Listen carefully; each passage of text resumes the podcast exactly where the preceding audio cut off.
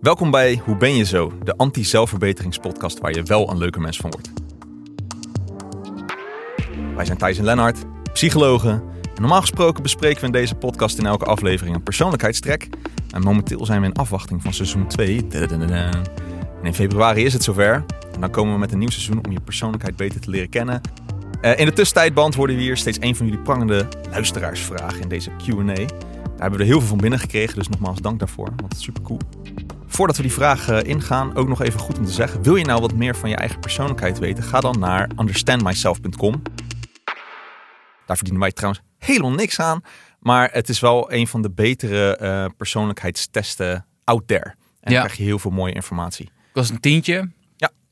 Um, en het is een vrij uitgebreide test, maar dus wel in het Engels. Uh, dus je Engels moet redelijk oké okay zijn. Ja. Er zijn ook Nederlandse tests, geloof ik, maar die zijn nog niet zo. Je hebt de NIO PIR, geloof ik. Maar dat is meer een klinische test, dus die kun je als, als... Ja, en ik weet niet of je die ergens online heel erg goed kan uh, vinden, even zo makkelijk. Maar er zijn, uh, je kan gewoon erop googlen. Uh, ook in een aantal show notes van ons staan gewoon die, die andere vragenlijst. Wil je een gratis testje eerst doen, moet je even graag op kijken, dan komt het helemaal goed. Ja. wat leuk is trouwens bij die Understand Myself, is je kan het ook door je partner laten invullen. En dan kan je die partner scores, kan je een soort van vergelijken naast elkaar, worden naast elkaar gelegd. Heel interessant. Ja. Dus, mocht je dat leuk vinden, ga daar lekker heen naar understandmyself.com. Veel plezier ermee. Ja. Dan uh, ja, vraag. de vraag. De vraag. Ja. De luisteraarsvraag is: Hoi, leuke boeiende podcast. Dankjewel. Jullie gaven aan dat jullie graag vragen ontvonden. Yes. Ik heb er namelijk eentje. Zouden jullie het uh, eens willen hebben over je zelfbeeld? In hoeverre klopt het beeld uh, dat een persoon, bijvoorbeeld ikzelf, over zichzelf heeft? Of is het beeld van een ander over jou meer accuraat? En hoe kun je je zelfbeeld testen, bijschaven naar de werkelijkheid? Ik ben benieuwd. Succes verder met de podcast. Tijn. Nou, Thijs, ja, beantwoord prachtige vraag, Tijn. Het grote mysterie van het zelf. Hè? Want op het moment dat je nou ja, over jezelf nadenkt, dan gebeuren er rare dingen. Um, dat je je bewust wordt van het feit dat je over jezelf nadenkt. Dan uh, ga je een enorme rabbit hole in natuurlijk. Maar ja, zelfbeeld is wel iets dat redelijk veel bekeken wordt, voornamelijk in de sociale psychologie. Um, waar ook wel veel over, over geschreven wordt. En dat is dus niet altijd accuraat. Zoals de vraagsteller eigenlijk al aangeeft. En soms kunnen anderen jou beter, beter beoordelen dan jij jijzelf.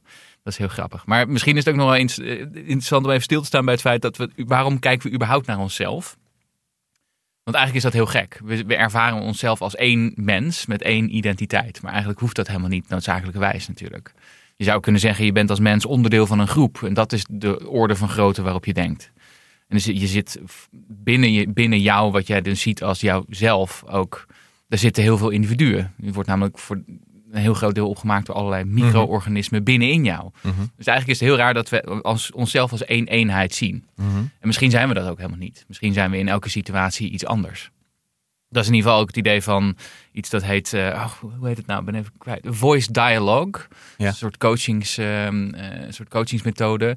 Waarbij je niet uitgaat van één zelf, maar van verschillende onderdelen van jezelf. Ja, ja, ja. Dat, misschien ken je dat wel. Hè? Dan heb je soms, soms denk je, nou, dit is de hardwerkende versie van mij. Maar je hebt ook gewoon een levensgenieter versie van jou. En die kunnen nog wel eens met elkaar in conflict komen. Bijvoorbeeld als je op zaterdagavond denkt, zal ik nog één biertje doen? Ja, ja, Uh, maar oh ja, ik moet morgen ook wel werken. Hè? Dan komen twee onderdelen van jezelf in conflict met elkaar. Ik heb wel eens zo'n, uh, in zo'n soort sessie gezeten. Dat, Ja. uh, en dan, dan had je de, de wijze oude man.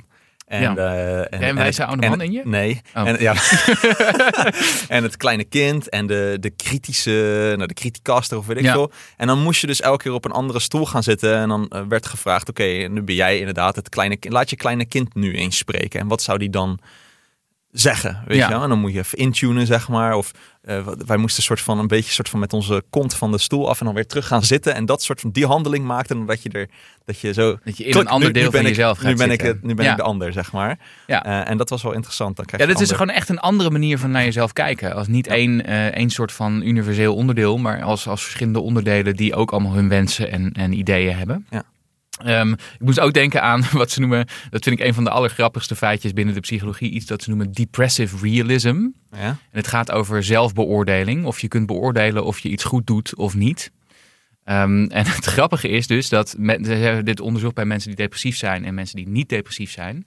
Depressievere mensen hebben een realistischer beeld over hun eigen vermogens dan mensen die niet depressief zijn. Ah. Dus wat eigenlijk, hè, als je niet depressief bent, overschat je standaard jezelf. Hoe goed je uh, in de auto uh, chauffeurt, hoe goed je kan koken, uh, hoe, hoe, prettig je bent in de omgang, hoe goed je met conflicten kunt omgaan. Je hebt allemaal een soort. Je, je, om ons zelfbeeld te bewaken, moeten we onszelf een klein beetje overschatten. En als je dus depressief bent, dan heb je een eerlijker blik op wat je zelf kunt. maar hoe hebben, ze dat want, hoe hebben ze dat gemeten dan? Want gaan ze dan. Dat weet ik. Ik had, had gehoopt dat je deze vraag niet zou stellen. maar ik kan me zo voorstellen dat ze dan heel veel mensen om je heen moeten die dan even jouw kookkunsten dus gaan beoordelen. En dat Ik kan me herinneren dat het iets was met, met, met uh, wiskundetestjes, wiskundesommetjes in ah, een lab. En dat moesten, moesten mensen een aantal wiskundesommetjes en dan later zeggen hoe, hoe goed denk je dat je het hebt gedaan. Dus die, depressieve mensen dachten, nou, dit sloeg echt helemaal nergens op. En, die komen dichter bij de realiteit. Die mensen die dan, oh nee, het ging allemaal goed, volgens mij heb ik alles goed. Ik nou. heb alles ingevuld in ieder geval. Zo, ja. Precies. Um, en het interessante is ook nog, ik wilde ook nog iets zeggen over de fundamentele attributiefout. Daar zullen we ook nog wel in het volgende seizoen iets over zeggen, is ook heel erg interessant.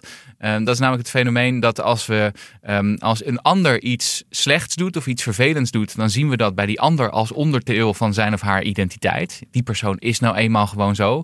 Ja, dat is ook een klootzak en daarom is dat mailtje zo vervelend van, van mijn baas, zeg maar. Uh, maar voor onszelf hanteren we dus, uh, hebben we allerlei verzachtende omstandigheden. Um, dus als we zelf eens een keer een, een, een, kort door de bocht mailtje sturen waar iemand op reageert en zegt ja, maar ik had gewoon een slechte dag. Of ik had, hè, dus ik was had gewoon, geen tijd. Ik had geen tijd. En was met mijn hoofd ergens anders.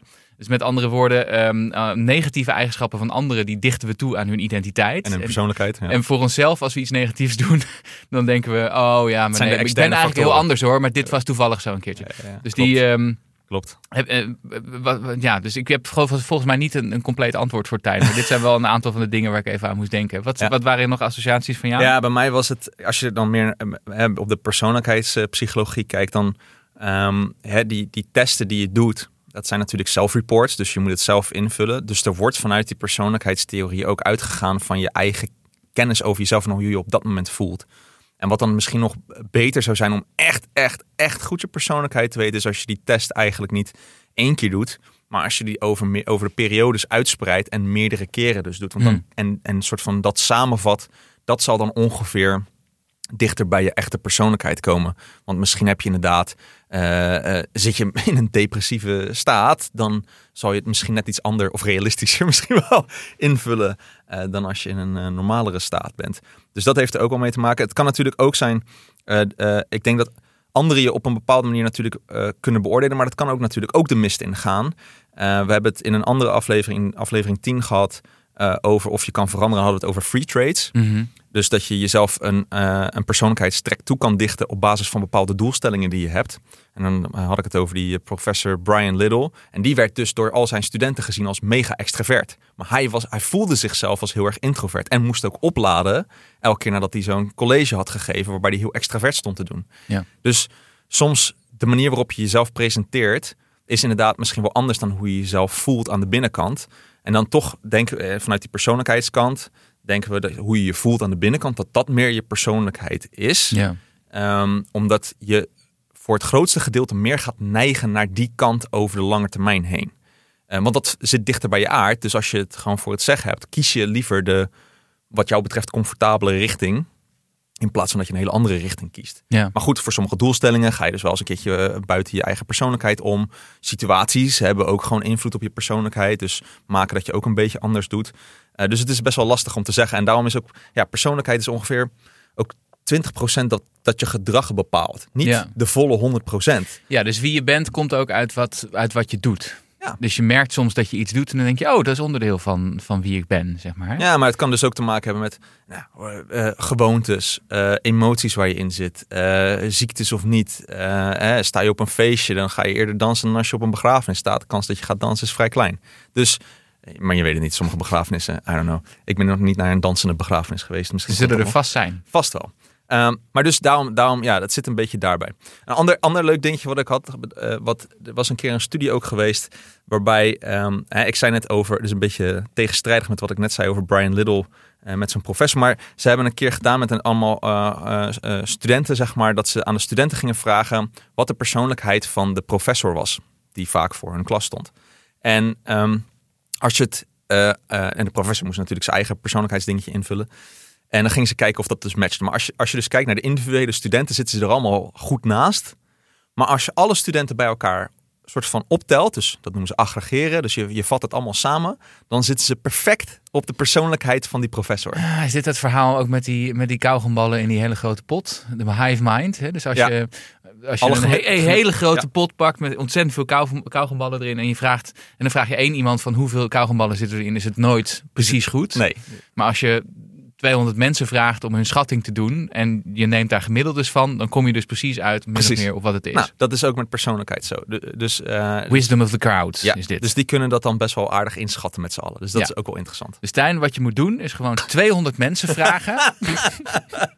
Wie denk je dat ik ben? Nee, eh, eh, dus ik, ik vind de vraag van hoe kun jij jezelf, je zelfbeeld testen of bijschaven naar de werkelijkheid. Ik denk dat dat, en dan kom je een beetje in, in het idee van, van nou ja, ik heb wel eens verteld over dat ik nogal fan ben van Jung, hè? dus de, de, de psycholoog eh, Carl Gustav Jung. En hij zei eigenlijk dat is het doel van het leven. Dus jezelf in allerlei situaties gooien, jezelf leren kennen, ervaringen opdoen. Ehm, en op die manier ook erachter komen steeds meer wie je eigenlijk zelf bent. Want Ja. dat blijft toch op een, op een bepaalde manier een.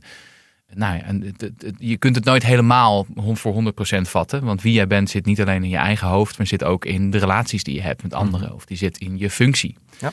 Dus helemaal door eh, bij jezelf naar binnen te gaan en dan, en dan na te denken over wie je bent, kom je er nooit. Je doet het ook door jezelf in allerlei situaties te gooien. Precies. En het is gewoon heel erg interessant om gewoon jezelf te observeren in meerdere situaties en te kijken wat, wat doe ik nou wie ben eigenlijk ik dan? nou Ja, eigenlijk? wie ben ik nou Wie ben eigenlijk? ik nou eigenlijk? Wat gebeurt er als ik. En, en soms dus ook experimentjes doen. Hè? Ja. Wat, wat gebeurt er als ik mezelf in situatie X gooi? Hoe reageer ik dan?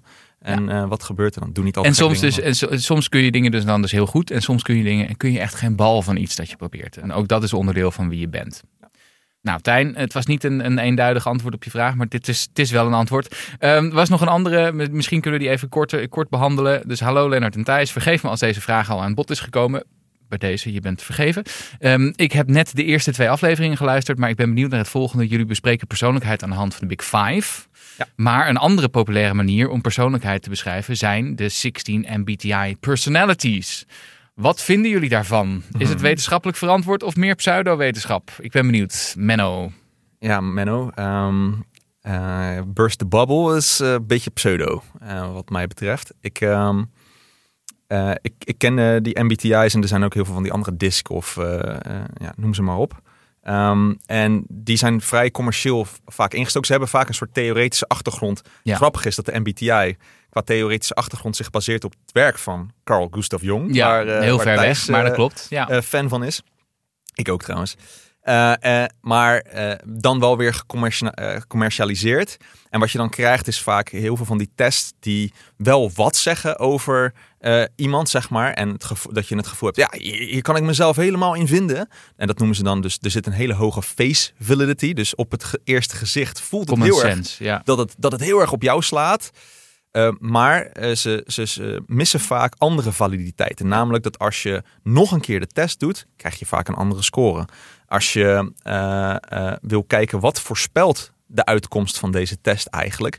MBTI voorspelt niks. Vrijwel niks. Terwijl als je de Big Five erbij pakt, die voorspelt heel veel dingen. Zoals stemgedrag of ja. relatievoorkeur, et cetera. En daar zijn heel veel onderzoeken zijn er naar. Ook bij de MBTI zijn dus onderzoeken gedaan. Als er valide onderzoeken uitkomen, moet je altijd even goed kijken naar de bronnen. Want vaak zijn het de mensen die uh, dat product hebben gemaakt, die dan die testen doen en die onderzoeken doen. En dan heel erg positief erover schrijven. Dus daar moet je altijd nog even een korreltje zout bij doen.